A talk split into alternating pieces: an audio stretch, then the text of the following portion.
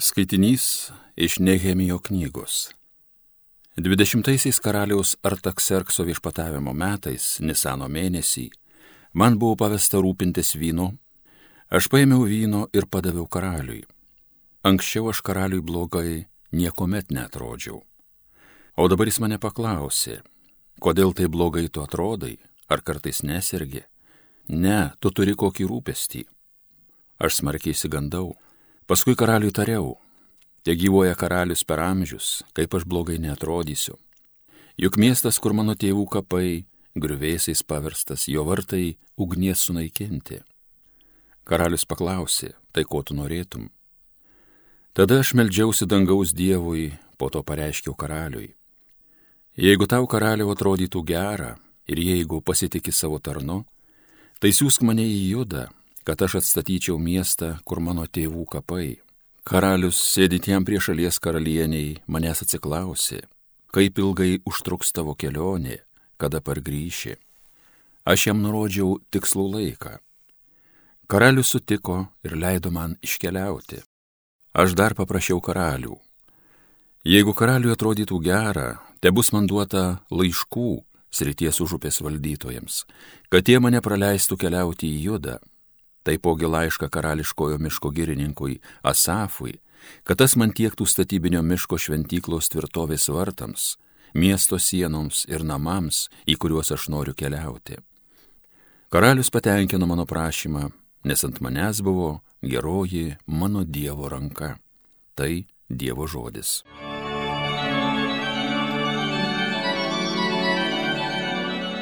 Te pridžiūsta prie gomurio mano liežuvis, jeigu tavęs netminčiau.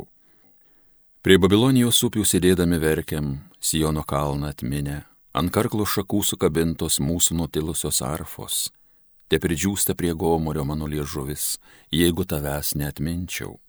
Mūsų trėmėjai mums liepia giesmės gėdoti, mūsų engėjai ragina džiūgaut, pagėdokite apie Sijono kalną.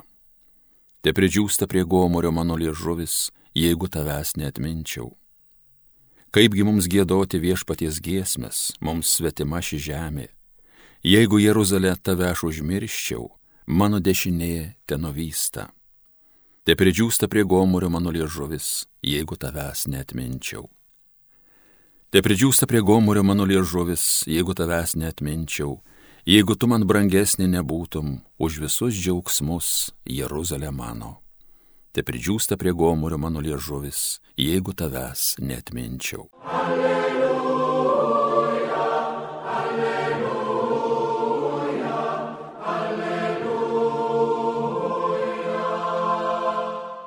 Aš ryžausi visko netekti ir viską laikau sąšlavomis, kad tik laimėčiau Kristų ir būčiau jame. Alleluja.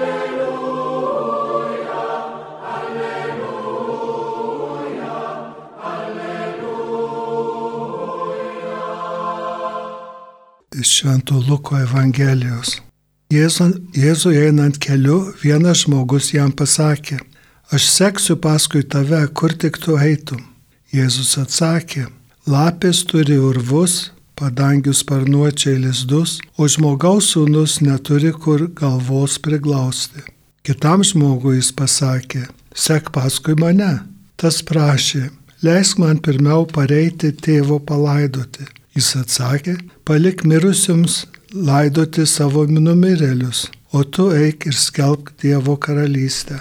Dar vienas tarė, aš seksiu paskui tave viešpatė, bet leis man pirmiau atsisveikinti su namiškiais. Jėzus tam pasakė, ne vienas, kuris prisideda ranką prie arklo ir žvalgosi atgal, netinka Dievo karalystėje.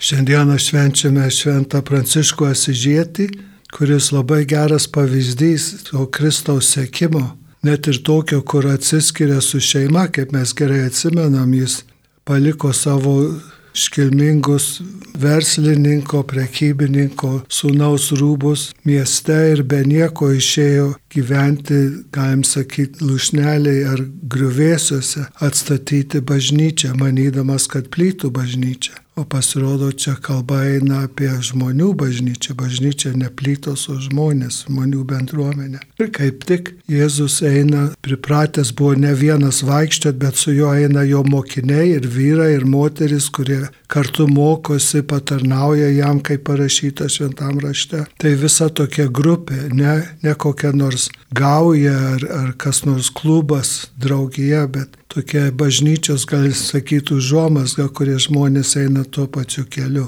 Ir tas ėjimas taip gražiai sutampa irgi su kitu šios dienos įvykiu, tai sinodo apie bažnyčios tą susiklausimą, kuris prasideda šiandieną Romoje. Vienu atveju pažiūrėkime į tuos tris žmonės, kuriais Jėzus kalba. Jie visi pasiruošę numano, kad jie pasiruošę arba užsidegę sekti, eiti su Jėzumi. Geriau negalvot, kad eiti pėsčiomis su juo, juo per visą šventąją žemę, bet sekti jo mokymą, bet jie nepasiruošę ir ne, neprinokę viduj suprasti, kas tas yra ir iš tai Jėzus juos pamoko. Ko tikėtis, kad sekdami Kristų gali kartais būti ribotos gyvenimo sąlygos, kažko reikia saugotis, vengti, kažko kito ieškoti. Tada antram atsako, kad tas, kuris nori tėvą palaidoti, tai mes manom, kad šiandien mirė reikia laidoti, čia ne apie tai.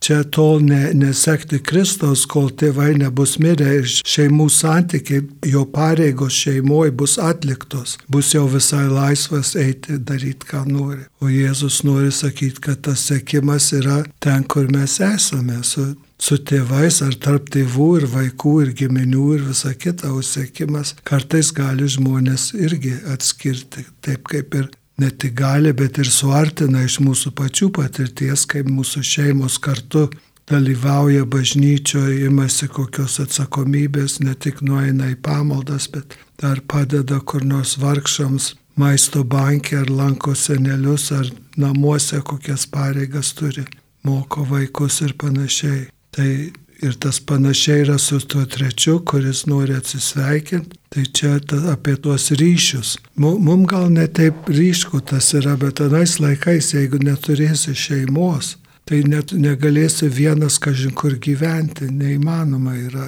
ypač įsimaitinti. Tai tas Kristaus sėkimas yra kitos rūšies bendravimas, yra gyventi kaip Jėzus moko ir su tokiu užsidegimu, kurio pradeda žmonės dar nežinodami, ką tas reiškia. Aš prisiminiau žodžius giesmės, gėdu iš visos širdies, kad tas Jėzaus sekimas, Jėzaus mokymo, jo asmens sekimas, prisirišimas prie Jėzaus kaip brolio arba kaip viešpaties yra visos širdies dalykas. O šitų žmonių, su kuriais kalba, jų širdys padalytos. Dalinai nori sekti Kristų, gyventi pagal jo mokymą ir pavyzdį ir kažką kitą daryti šalia.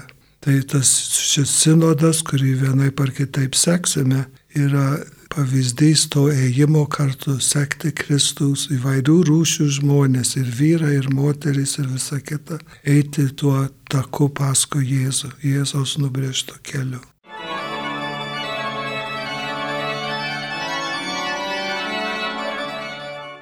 Homilija sakė tėvas jėzuitas Antanas Saulaitis.